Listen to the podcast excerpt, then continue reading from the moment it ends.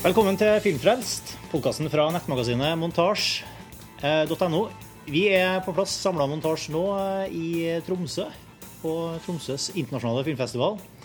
Eh, Jeg, har kommet, jeg heter Martin Sivertsen. Jeg kom nylig ankommet i byen. Jeg kom i går. Eh, Dere andre rundt meg her har vært her noen dager allerede. Jeg sitter her sammen med Erik Vagnes. Hallo. Mm, hallo. Ikke lenger debutant. Ikke meg. All, allerede filmfrelstveteran. skal vi si. Ja. og Lars Ole Kristiansen, selvfølgelig. Hei, hei. Hallo, hallo. Og Karsten Meinik. God dag. God dag, god dag. I denne uken er den andre podkastsendinga fra Andre festivalen. festivalpodkasten, ja. Ja. Filmfest nummer 111. Nettopp. Så er det jo eh, Temaet for episoden er jo en av, et av festivalens høydepunkt, må vi nesten si. Til tross for at filmen vi skal snakke om, har kinopremiere i dag også, så, så, var det jo, så ble jo Quentin Tarantinos nye film vist her i går for eh, fullpakka sal.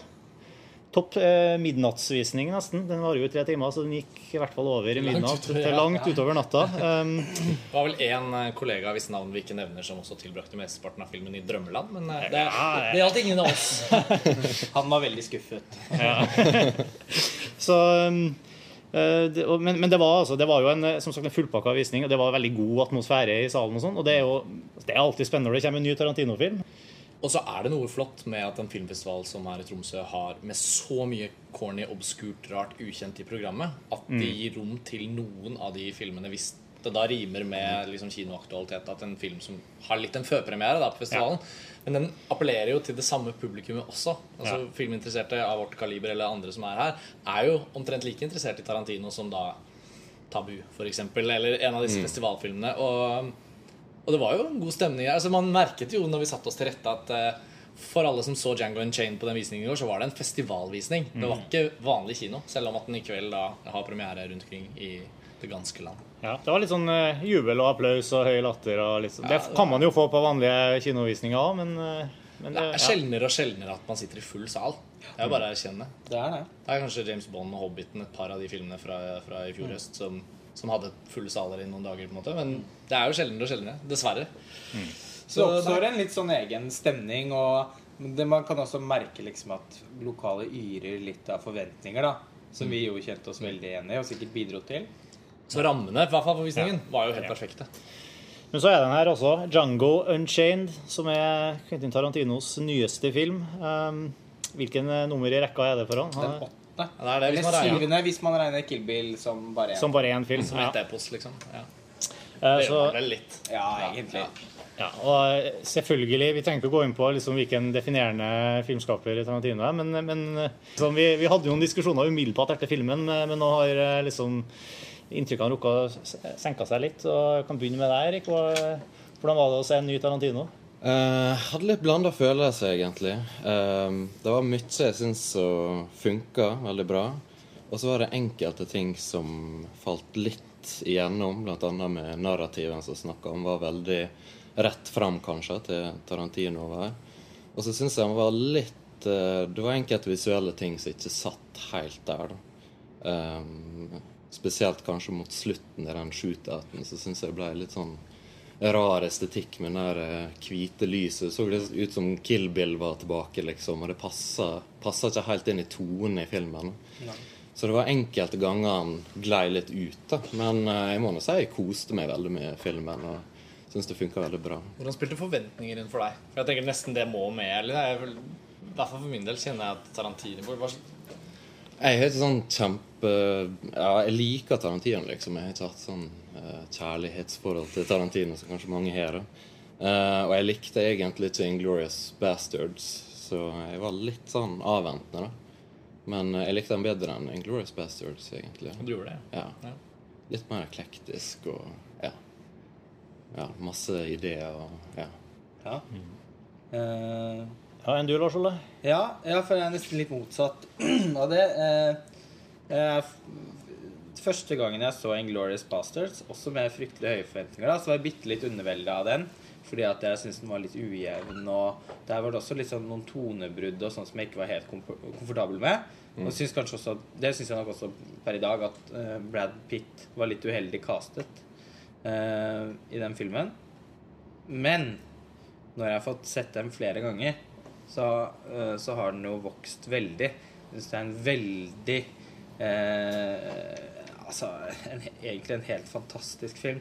Så eh, oppfinnsom og så rik på ideer og så Med så mange enestående bra sekvenser.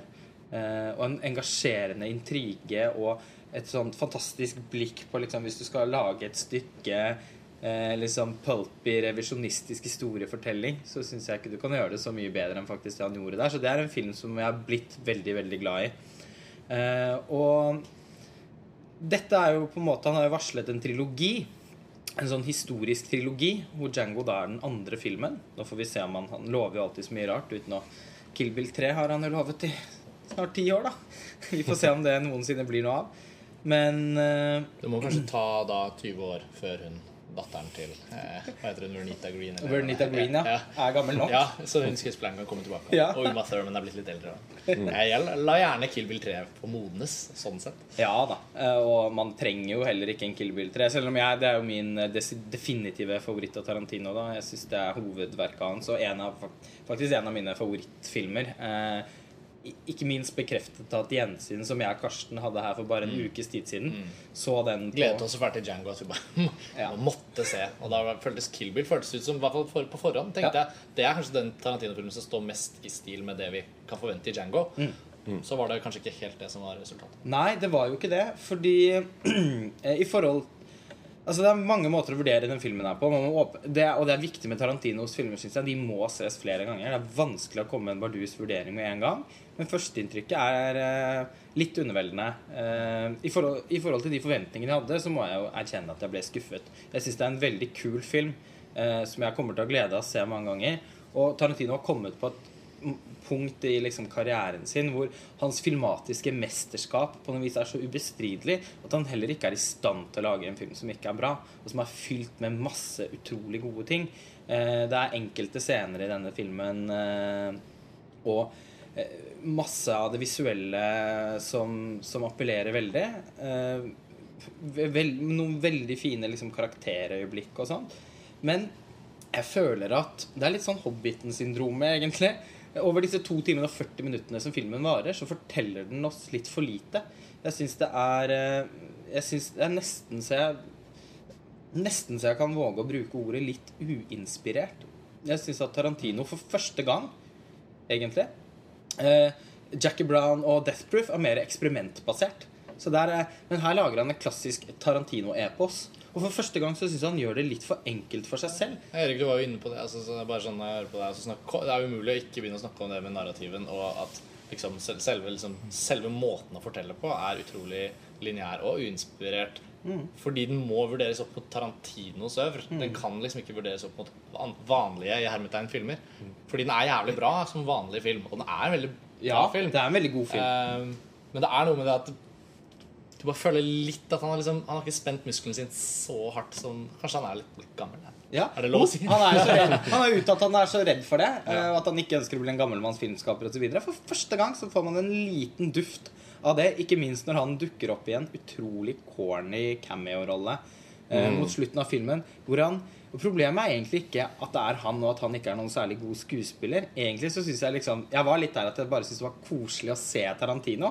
Eh, Han men vagget jo rundt som en gammel mann, så det syns jeg også var Ja, sånn men, men om det liksom var en eh, eneste stor mislykket anakronisme, eller om det bare var slurv, det aner jeg ikke. Men han så ikke ut som en del av fiksjonsuniverset. Nei. I kostyme, sminke. Han så ut som han bare hadde liksom gått på andre siden av kameraet og plutselig var der. Ja. Kanskje noen vil skrive noe spennende essay som dette her.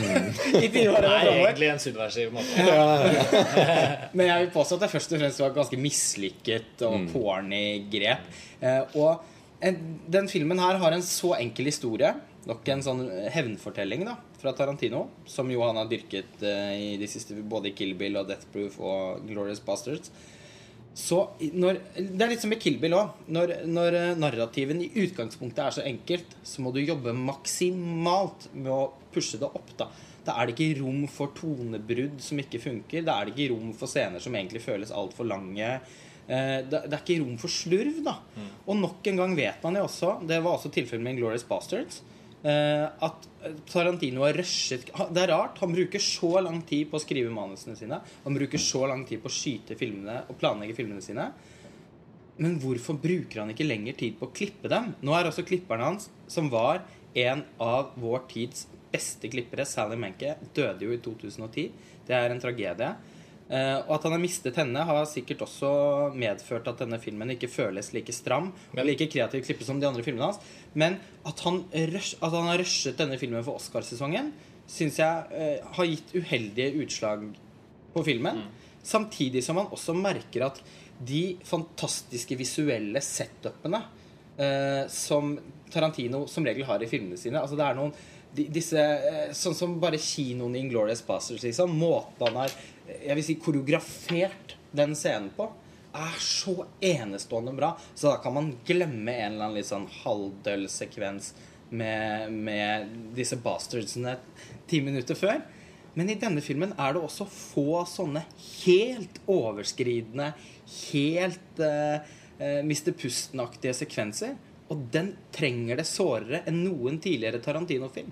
Og deri ligger det en skuffelse. Ja, for premisset er liksom Nå blandet jeg meg jo litt eh, i stad da du begynte å snakke, men vi kan jo, jeg kan jo si du, Karsten? Ja, Ja?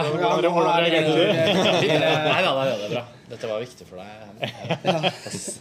Nei, men vi, vi, vi har jo Vi begynte jo diskusjonene om dette i går. Og, og det er jo rart med det, for det spiller inn det du tar opp, Lars Ole, med, med at en Tarantino-film er på en måte one for the ages, uansett eh, hva den er. Altså, det, vil, det vil oppstå um, diskusjoner rundt Django Unchained som vi ikke vet om ennå, fordi vi må se den igjen, og den må, den må kollidere med andre filmer, og så må det liksom ting altså, den, den, den, den, den tramper jo inn i popkulturen uansett hva han lager, og så blir den en del av den.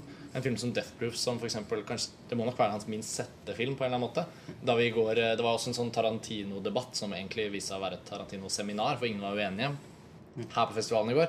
Og da ble det vist en sånn reel med, med bilder fra hans tidligere filmer. Og jeg må innrømme at jeg har bare sett Death Proof da jeg så den på kino. Jeg digga den. Jeg har den på Blu-ray. sånn. Jeg, har liksom, jeg har ikke satt meg ned med den. Det har vært morsommere å se eh, Kill Bill om igjen, Ja, eller, eller se Pulp Fiction og sånn. Så det, men da slår det, så ser jeg bilder fra Death Proof, og så bare God damn, liksom, faen, den er, den er jo dødsfet. Liksom. Jeg fikk så lyst til å se den igjen. Og det er noe med at liksom Jeg tror også Django har en sånn varig, et varig frimerke i hele sin identitet. Ja. Så jeg vil liksom bare ha det lagt fram først. Altså at denne, dette opptaket, denne samtalen, vil jo liksom gå ut på dato på et eller annet tidspunkt. Garantert. Og så kan man alltids ta en ny podkast. Uh, Inglorious Bad. Vi snakket om det. Det fins jo en filmfrelst med Inglorious Bastards. Jeg er sikker på at det er veldig mye av det jeg sier selv i den podkasten. Jeg jeg Men den er også tatt opp i lignende hvor vi har sett filmen én gang. ja, nettopp, nettopp. Og jeg tenker sånn, jeg er sikkert uenig med meg selv. Mm. Og sånn vil det sikkert være om dette også. Så med det forbeholdet da Men jeg, jeg ble også skuffet av at filmen Jeg tror vi er ganske enige på sett og vis, da. Fordi den var Den var ikke så rik, liksom. Den var ikke, det var ikke sånn at den Så dette med at den liksom handler om noe, og så handler den om noe. Altså, den, har, den har en historie, men den har også mange av filmene har jo også det. Sånn som i Glorious Bastards. da mm. Når du føler at den kontrafaktiske delen, hvor den omskriver hele historien om andre verdenskrig, gir en piff til det bare deskriptive plott. Altså, det blir sånn Ja, ja. mm, Også Hans Landa, han overlever faktisk. Han får det fuckings harde. Han får den derre kutta inn i pannen og liksom Ja. Han skal få amnesti i USA, men han skal leve med den. Med nazi. Altså sånn Det ga liksom Da fortsatte historien. Man tenker liksom at det er noe utenfor. Men Django i, Kill Bill også, som i utgangspunktet er en ren hevnfortelling, og som til slutt også blir en historie om, om ubrytelig kjærlighet. ja, det, Når eh, Bill sier til henne 'In fact, you're my favorite person', og hun får tårer i øynene, og så skjønner man at hans sinne går ut på at han vet at ingen andre kan være bedre for henne egentlig enn han, og hun, han vet at hun tenker det samme, men så har hun valgt han med den teite hårsveisen og skal gifte seg, og så Altså sånn ja, altså, ja, det oppstår andre ting, da. Og Ja. da, du, Ja, det kan hende at eh, det som vil kanskje bli tatt tak i med Django da, det Sånn som med Inglorious Bastard, så er det sånn at han omskriver historien på en måte. da Mens eh, Django kanskje omskriver westernsjangeren, eller at det, det er mer sånn filmsjanger den går inn i, i en slags dialog med. da Uh, Og selv om den er litt sånn spagetti-western Nå har jeg ikke så god peiling på spagetti-western sånn sett, men den amerikanske westernfilmen er jo veldig sånn politisk og historisk viktig for amerikanerne. Og at han da på en måte setter den til sørstatene. Sant? Den blir jo nesten som en southern, på en måte. At han bruker den ikonografien fra western og, og gir det om til noe sørstatsrelatert. Og på en måte omskriver den amerikanske narrativen om den hvite cowboyen mot eh, indianerne, sånn som er marginaliserte etnisiteter. Da. Og heller her så er det liksom den svarte eh, marginaliserte som er westernhelten på på ny. Så han, han gir den en sånn revitaliserer kanskje western på en litt interessant måte. da. Ja, det vil jeg si. Og når du snakker om det på den måten, så er det allerede så man begynner å tenke at det, Ja, det- mm, det er ting å hente her. Ja, og det, å- det å skape punkter som man er forberedt med når man skal ha det gjensynet, det er jo en del av det vi snakker om når vi snakker om et gjensyn. For det er jo det med på en måte Så har man slått fast hva filmen er. Og så kan jeg eksempel nå tenke at det skal ikke være en film som ja, Ok, en liten spoiler alert her, da. Sånn. Da kan dere skru av hvis dere ikke vil høre meg diskutere en ting som jeg trodde filmen handlet om, men som den ikke handler om. Jeg hadde forestilt meg, pga. forventningene som ble bygd, at dette var en film som kanskje kom til å forsøke seg med en liten sånn Og så, og så gjorde slavene opprør, og så endte slaveriet i USA før borgerkrigen. Det ble ikke noen borgerkrig. Og så er jo ikke det et poeng i filmen i det hele tatt, selvfølgelig. da Men det var jo meg, det var min Men det hadde vært en mer sånn historisk omskriving. Så bare for å summere opp det, så, så er det for meg sånn at uh, jeg må se den igjen og forvente noe annet. Uh, og det er jo ikke Tarantinos skyld at jeg hadde de forventningene, på en måte. Men, men det er veldig, veldig ofte sånn med filmskapere når man setter veldig høyt, så har man liksom bygd seg opp til visse ting. Og derfor syns jeg dette med at gjensynsverdien er utrolig viktig. Og når du la fram det poenget med å på en måte lese det mer som en sånn sjangeromskrivning, så gir det, som du sier, da, Lars Ole, så er det et punkt som jeg skal ha med til neste visning. Det er, det er viktig å ha med, da. Ja, ja. Men Martin, vi har ikke kommet til deg ennå. Ja.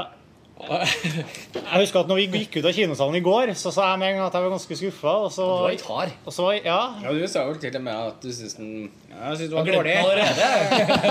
Nei, det kom med noen litt sånne øh, overdrevne uttalelser her, kanskje. Men, men, men jeg, nå sier jo alle dere at også, dere også er litt undervelda her. Jeg, og jeg er jo jeg er rett og slett det, jeg òg. Altså.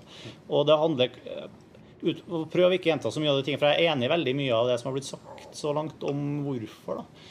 Um, men jeg tror det koker ned til hovedsak for min del jeg syns det var en veldig underholdende film. Um, og, men um, som jeg også var inne på før, da. eh, Litt for enkel i forhold til det jeg hadde forventa meg. Og hva er det som eh, liksom jeg skal prøve å tenke over hva det er som jeg savner. Så, så eh, tenk, For å gå tilbake til det som på en måte er min eh, Min Tarantino, da, for å si det sånn. Jeg vet at eh, noen har Kill Bill som sånn ho- favorittfilm her, flere her. Og, men for meg, så hvis jeg skal gå tilbake. Nei, også, faktisk. Du har også det, ja. ja. hvis jeg skal gå tilbake til det som definerer Tarantino for meg, liksom, så ligger alt det uh, i Reservoir Dogs for meg, uh, som, har, som er en annen, helt annen type til film enn Kill Bill. og sånn, Men liksom, så de eh, påfunnene som ligger der, de digresjonene som ligger i dialogen, de eh, villigheten til å liksom bare gå ut på sånne eh, detaljer altså, virker så veldig leken. da, Det, det er liksom utrolig eh, kontrollert og dyktiggjort, samtidig som at det er eh, litt sånn sprelsk, da, på en måte som eh, som, som jeg, jeg ikke klarer å finne så veldig mange steder i den Django-filmen. Jeg fant det i hvert fall ikke i går da jeg så den. eh, For at den er på en måte en slags sånn pulp western. og det var ikke, Man kan kritisere Tarantino for å være pulp, på en måte, for det er jo det han holder på med. Men, men øh, øh, den er den, den føltes nesten litt lat pulp, da. var kanskje det jeg vil, eh, vil da kritisere for. står Da, den jo fare for å bli bare ja. eh, Også, og ikke, liksom, og det var noen som nevnte her i stad at noen av scenene var litt for lange. Altså, for en film som er så enkelt, så, er det, så, så hadde det vært så utrolig bra om noen av de eh, dialogsekvensene og noen av de, de viktige scenene i filmen hadde vært liksom sånn fullstendig ikoniske og over the top. Men jeg, jeg, de var jeg kan, ikke, jeg kan ikke nå huske på noen sånne supergeniale scener som har satt seg som jeg vil eh, Som har skrevet seg inn i filmhistorien, liksom, sånn som han har gjort tidligere. Eh, og du, du, du nevnte i stad liksom, du har ikke den store selv, selv actionscenene her, skytinga, virker ganske lat på meg, egentlig. Altså, han, Særdeles skuffende, egentlig. altså, han her, her har han mulighet til å virkelig gå overboard, og han gjør jo det. Det sprutes blod. Ja. Eh, så det, det, men liksom, Men han går ikke overboard eh, kunstneriske måten han iscenesetter det på. Og det er faktisk ikke noe spennende, de eh, actionsekvensene heller. Liksom. Og det, du har ikke, I motsetning til f.eks. Sverdsekvensen i Kill Bill, og sånn, som er som en helt annen kaliber. Den er er bravur, ikonisk. Ja, da, det er en bravura sekvens i helt sånn Det formale mesterskapet i, Ja. i, i Kill Bill. Det, det finner man ikke her. Det er, det er ikke én scene i den filmen som ikke er helt overveldende formmessig. Og, og, og du har heller ingen sånne scener av den typen eh, som, som liksom jeg forbinder så utrolig med den her eh, diskutere hva handler Like a Virgin egentlig om, eller You're Mr. Pink, no, you get to be uh, Mr. White, why do I have to be Mr. Pink? Og de, den type scener. Altså, du, han virker litt Den er, virker litt for eh, kom, Ja, litt for eh, sånn streit. da, til at Tarantinos Ja. kanskje? Og, og da, da er det Da følte jeg litt når jeg gikk ut av kinoen at jeg hadde sett en ganske lang og veldig underholdende film, egentlig. Men, men ja. Men den var ikke der oppe blant Tarantinos eh, beste. Nei. Nei. Det syns jeg absolutt ikke. Men jeg bare får kommentere det. For det- Det er jo interessant hvordan vi da Vi begynner jo på en måte å skrive inn tidligere Tarantino inn i en fersk Tarantino. Altså så, ja. og jeg tok meg selv også i det i går. Da vi snakket litt om det, Erik. At en av de Tarantino-elementene som jeg opplevde at Django kunne ha tjent på å ha mer av, er jo spillet på tid i narrativ. Altså, der eh, Django Chain er veldig veldig sterk i liksom, si første akt. da liksom, eh, Frem til eh, eh, bounty hunteren eh, Dr. Schultz. Og, og Django reiser til eh, Tennessee for å lete etter Det er en ganske lang sekvens hvor han Django blir bounty hunter, og de er, det er en sånn buddy-film. på en Ja, måte Som minner veldig om Samuel L. Jackson og John Travoltas sekvenser i Pulp Fiction.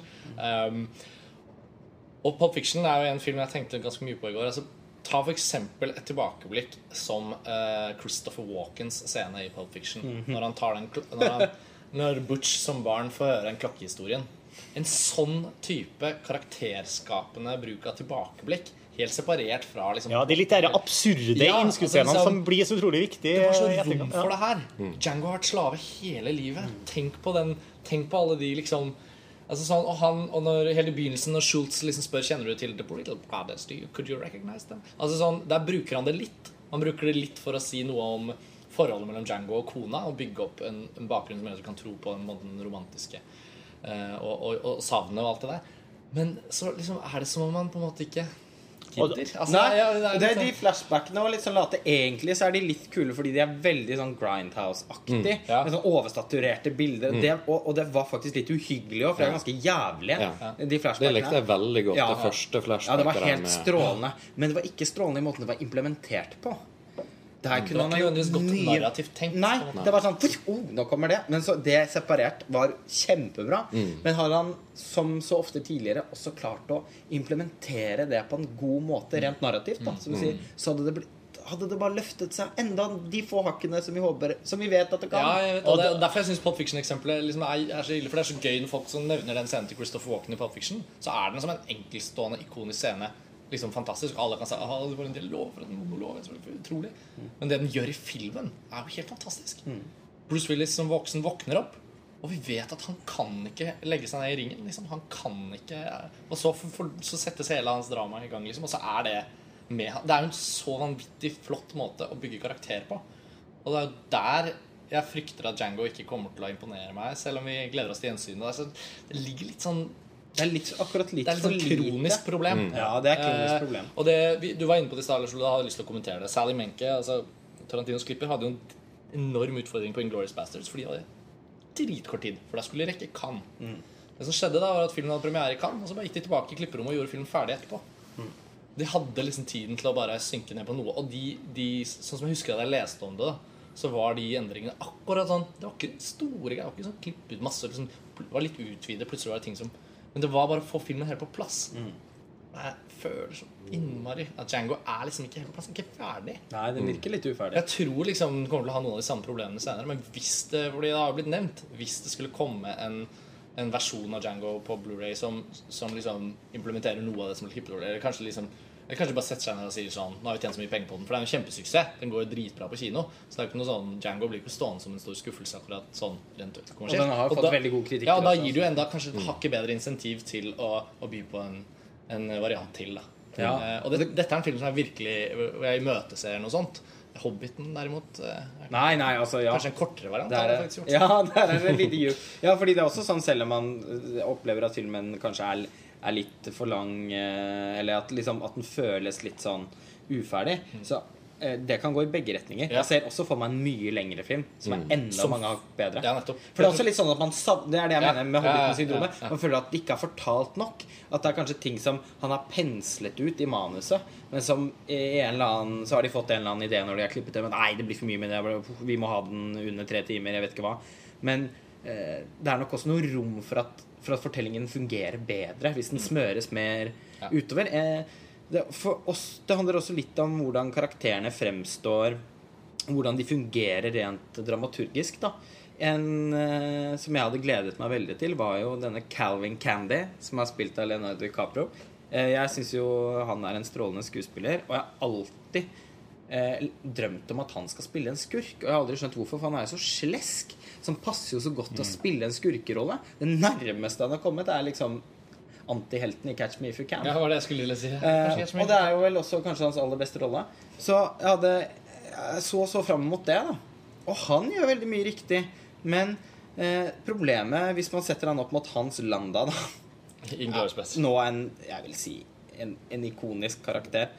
Eh, når han kommer inn i et rom, så kjenner du på den frykten. For du, altså, man frykter han, da.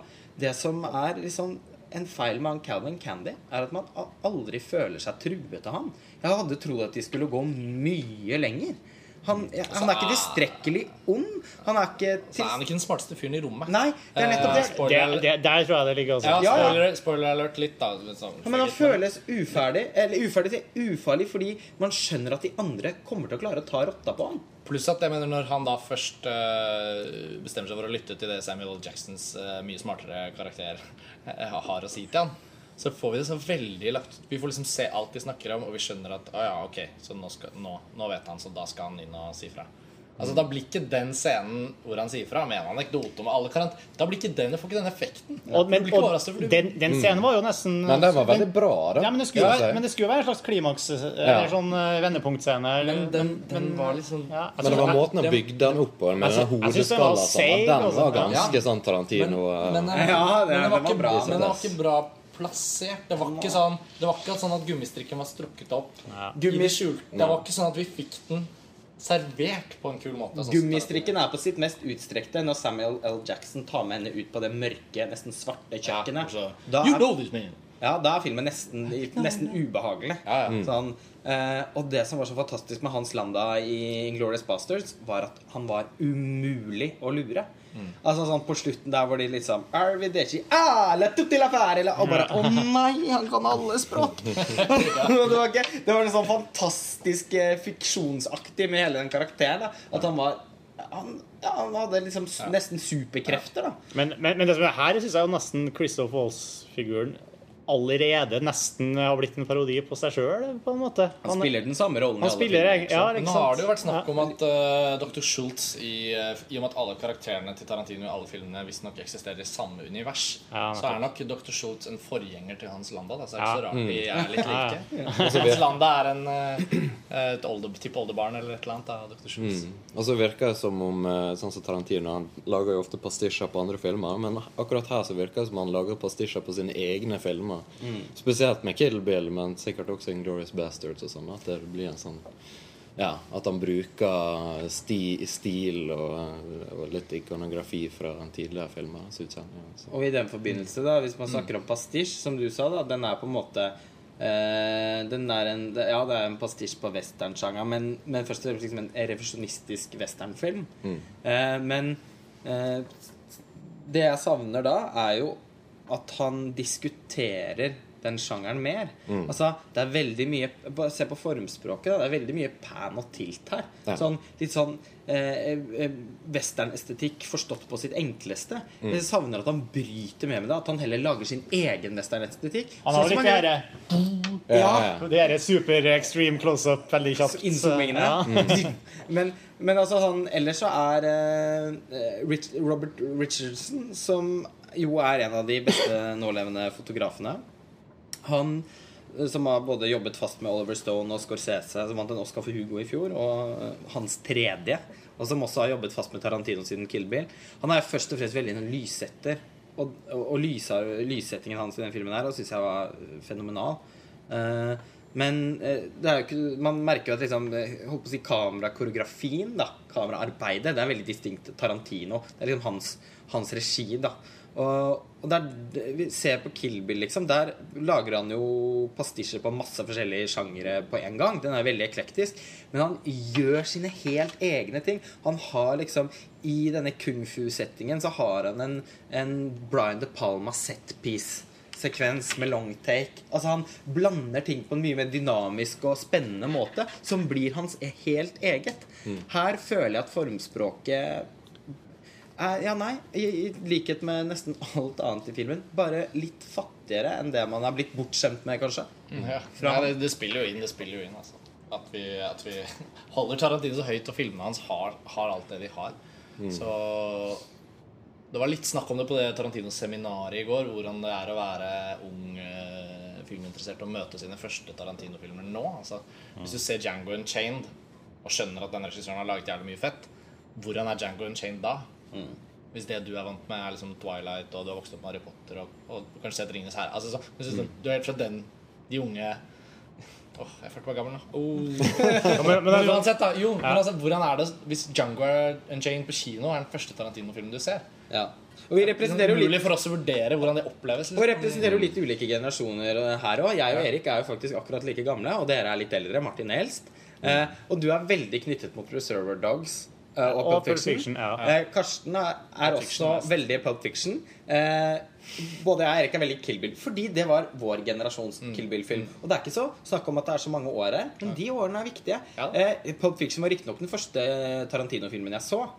Og likte den veldig godt, og den gjorde at jeg gledet meg til, til Kill Bill. Men det var Kill Bill som var den første jeg fikk se på kino som en ny film. Og som Snakket gjorde til deg på en måte. Ja, som snakket til meg, og som jeg har bare sett igjen og igjen og igjen, og hadde masse greier med, med, med venner, og det var liksom en kult rundt den, da. Eh, og, og, men det som er morsomt når vi så den igjen nå, så blir man heller ikke Jeg blir jo ikke bakfull på det nostalgiske forholdet jeg har til filmen. Fordi når man ser den, så tenker jeg at ja, nei, akkurat like bra som den alltid Kanskje enda bedre. Altså, den Ja, men det, det var akkurat det som slo for jeg så nettopp Reservoir Dogs igjen Ja. bare for noen dager Ja. siden. Jeg har også sett og, den nylig. Og, og da sitter jeg her og, og tenker Wow! Gjør, herregud, for en, for, en, for en genial eh, vri der. liksom For sånn overrumpla fortsatt. da over det, og En av de scenene ble jo tatt opp i går, går på Ja, seminaret. Den fortellingen i fortellingen om fortellingen uh, i Team Roth. Som også er en fortelling om skuespill. Og Ja, ikke sant? Og, og det, var, det var ingen sånne ting eh, som jeg virkelig satt og bare eh, liksom sperra øynene på vid gap eh, at jeg, wow, og sa en sånn wow i kinosalen i går. Det hadde jeg ikke, altså. Selv om eh, jeg, flira og lo og var med, liksom. Så, Han får, han, i sitt, på sitt beste så har han en sånn vanvittig kontroll, en balanse mellom å være uber-cool og ha en sånn, sånn russisk kone babusjka-aktig ja. Sånn at du liksom åpner en, så er den inni, og så kommer den tilbake igjen, så går du tilbake. Altså Han klarer liksom å gå inn og ut av forskjellige fortellerplan med en sånn største selvfølge. Og aldri kjedelig. og Utrolig underholdende. Og det, Django, for å si noe veldig fint om filmen, da, så må jeg si at føltes jo ikke Jeg synes jo ikke den lengden den faktisk er. Den følte jeg ikke på i det hele tatt. Sånn Nei. opplevelse. Nei, nei, altså, den er det- sånn hyperunderholdende. Og Jamie Foxx i hovedrollen syns jeg var vanvittig karismatisk og sinnssykt kul. Og Liksom det er Christoph Waltz som har fått Oscar-nominasjonen, men det er litt sånn på, på automatikk. Mm. Eh, det er egentlig rart, ettersom han gjør så veldig den samme Ja. rollen. Ja, Han har en spesiell måte å artikulere på. Da. rart, men ikke så rart, på en måte. Ja, For hvis det- det er den samme rollen, så ja, da. ja, og så kan man si at mange, altså, Det er mange av rollene til Jack Nicholson nå, liksom, som ligner hverandre, men man elsker den. Altså, så, så han The way he articulates altså, Ja, ja, Måten ja. han snakker på. Det er jo sånn han er som skuespiller. Så han kan jo ikke eh, det, det er topp at han er sånn, og sånn sett Men det er mange som kunne Samuel L. Jackson òg kunne jo fått litt oppmerksomhet. Ja, men han var det vi som Men- snakket om det i går. Ja, eller vi følte kanskje han var litt for, litt for oppskrytt, hans rolleprestasjon. Jeg syns den var ganske Ja, jeg syns det er Jamie Fox som fortjener mest Ja, heder. men, ja, men når jeg sitter her altså, Den rollen som jeg liksom gleder meg litt til å oppsøke igjen, det er Samuel L. Jackson. Jeg syns han var litt off-putting i begynnelsen. Ja. Jeg ble veldig varmet opp på Det var noe med smink Nei, han syns jeg Var det, var noe med han. Var det noen som tenkte over at hun Kerry Washington, hun som spiller kona, at hun spilte i en farse? For det følte jeg veldig. Ja, men det har, var det jo med at film. hun, hun, Ja, ja, men ja. det, det var litt du sa, at den er litt sånn ujevn og du, Veldig forglemmelig karakter. særlig i, ja, i, den, i den aller siste scenen. Ja. Ja. Nei, men Tenk å si hva som skjer, men altså bare det uttrykket i de Ja, siste det bildene det, det setter jo plutselig du, Hvis du bare kommer inn på slutten og ser det, så tror du at eh, det det er jo, det er jo slutten på en helt annen Ja, det film, på en måte. Mm. Ja, det er slutten på en Bollywood-film. det men det, har jo, det, er jo, det er jo en av de få scenene du får Du får jo ikke se så veldig mye av hun får gjøre så mye ut av seg. Og det er jo der du virkelig får litt alenetid med hun på kamera, og da er det jo en sånn Bollywood-setting. Mm. som er morsomt i forhold til klipping, hva som kommer med, og hva som er tatt ut av filmen, og sånn, det er jo noen cameos som åpenbart må ha vært med. På sånn Jonah Hill er med i filmen. Sånn, «Å, så det blir spennende se når Jonah Hill dukker opp. Altså, det må være den absolutt minste og mest ubetydelige cameoen ever. Det var en slags sånn slapstick over Ku Klux Klan-hettenes eh, opprinnelse. på en måte. Men sånn, for en, for en waste, da. En så talentfull skuespiller som helt sikkert kunne gjort seg en Tarantino-film. liksom. Så det var bare sånn, wow. Og den scenen er jo også liksom, På en måte er det en veldig klassisk Tarantino-scene fordi den eh, den, altså På samme måte som Pulp Fiction viser oss hvordan gangsterne egentlig snakker med hverandre når de er sammen.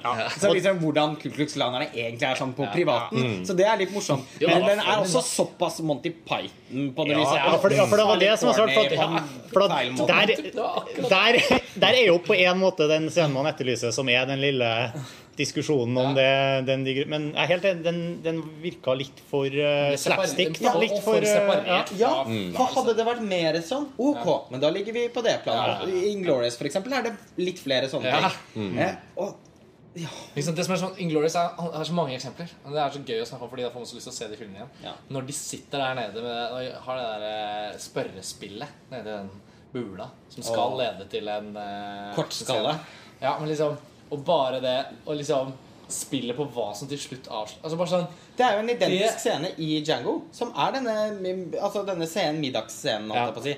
Det er jo denne filmens svar på kortskallescenen. Men den blir ikke minneverdig på samme måte.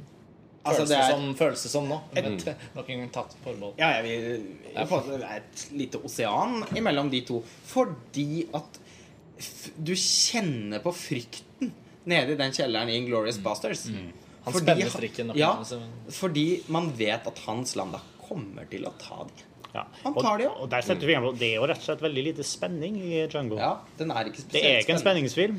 Nei. Den er mest spennende når han når de, Jeg synes jo Det er nesten også liksom Det høres ut som alt, eh, som hele andre halvdel er et eneste stort antiklimaks, og det er altfor hardt. Men det er noe med at besøket til, eh, på gården til Calvin Candy er jo faktisk mindre spennende enn besøket på gården. Den første gården de Ja, der innom. For å Don. Johnsons eh, karakter. Ja. Altså sånn Det, jeg, det første det, det er jo egentlig to veldig like. Men Den ene er mye kortere da, den første. Men der syns jeg filmen er kjempespennende. Å finne de der brødrene. Flashbackene med at de er så pisker slavene til blods. Finner de Altså der, der får de Åh, da blir jeg sånn superengasjert. uh, altså, liksom, det er, det er Ja. Til og med der så er det sånn oh, Hvordan går dette? Ja, og det er sånn uh, men, og, men kanskje også fordi at Nei, nå mister jeg litt tråden der. Nei, Jeg vet ikke helt hva jeg skal du- si. Jo, men Poenget er liksom Eh, at uh, Django Unchained føles som en film som ikke lever opp til de andre Tarantino-filmene. Ja. Du fortalt. Ja. Vi skal jo også avrunde- vi skal også avrunde da, så på liksom jeg følte nå- Ja, nettopp. Og, og, og når man skal liksom oppsummere i hvert fall en eller annen første diskusjon om Django Unchained, Mm. så er det jo skuffelsen som har bredt seg uh, blant oss. Og, og vi har vel også sagt oss enige om at frittstående uten Tarantinos navn, så er det en dødskul, kjempeunderholdende, flashy film med masse Det er jo ikke det. Jeg føler ikke at vi er grinebitere fordi vi er skuffa, liksom, men det er noe med at Tarantino er en egen, det er en egen sjanger, liksom. Det er noe også med at hadde Tarantino laget én en film hvert annethvert år, så kunne dette vært en sånn åh, en mellomfilm, men en kjempebra mellomfilm. Herregud, han leverer. Men når han bruker så lang tid på prosjektene sine, så, så inviterer han jo til å bli eh, litt hardere vurdert òg. Da krever man litt mer. Samtidig er det bare tre år siden Inglourious Bastards. Da, så. Ja, men Skal tre, sies, da. ja, men tre år er likevel Det er, det er ikke Nei, det er klart når Woody Allen spyr ut den i år. Så. Jo da, i, i og for seg. Dette er jo en av de som ja. Han, han, han eh, Det er ofte veldig mye snakk om prosjektene i mange år også, før Ja. det blir noe av det. føles liksom ut som om alle har jobbet med Man får inntrykk av at alle har jobbet med i ti år. Ja. Så, og det er han veldig åpen. Snakker masse om. Og første gang jeg skrev med han, så så ditt og datt. og datt. Så, oh, man får jo veldig euforiske forventninger, som han også er med å skape selv. Han sier jo det hvert verdt Det er som å gå opp et fjell med Mount hver gang. Og, Så da setter han jo liksom tonen for at ja, det har han vel klart Ja, ja. Men du, gangen. du, du jobber ikke i tre år med en film, eh, eller lengre sikkert, og han har begynt på en film, men uten å, uten å snakke entusiastisk om Du må jo, du må jo være Ja, ja, men det er jo ikke det. er jo bare jeg- fanboys. Ja, ja. altså. Og for å si det sånn, jeg skulle jo, jeg, Noe av det aller beste når en Tarantino-film kommer, er at han kommer fram i lyset og, og, og snakker. Han er jo Det har jo egentlig vært en pågående underholdningsopplevelse i ukevis for, Ja, oss- ja. for oss som har sett på videointervjuene ute på nettet. og- Han er jo helt fantastisk. Han er en av de morsomste menneskene å se på Han er favorittskuespilleren min. Ja, Når får han Oscar eh, for det? Nei, men skal vi, skal vi si at det var eh, Vi det får runde av der vi, før vi um, sier altfor mye vi angrer på. Så kaster vi oss ut i festivalmørket her i Tromsø. Tromsø. Ja, Yes, vi høres snart igjen, folkens. det gjør vi. Takk for nå. Det gjør vi. Ha det bra. Ha det bra. Ha det bra.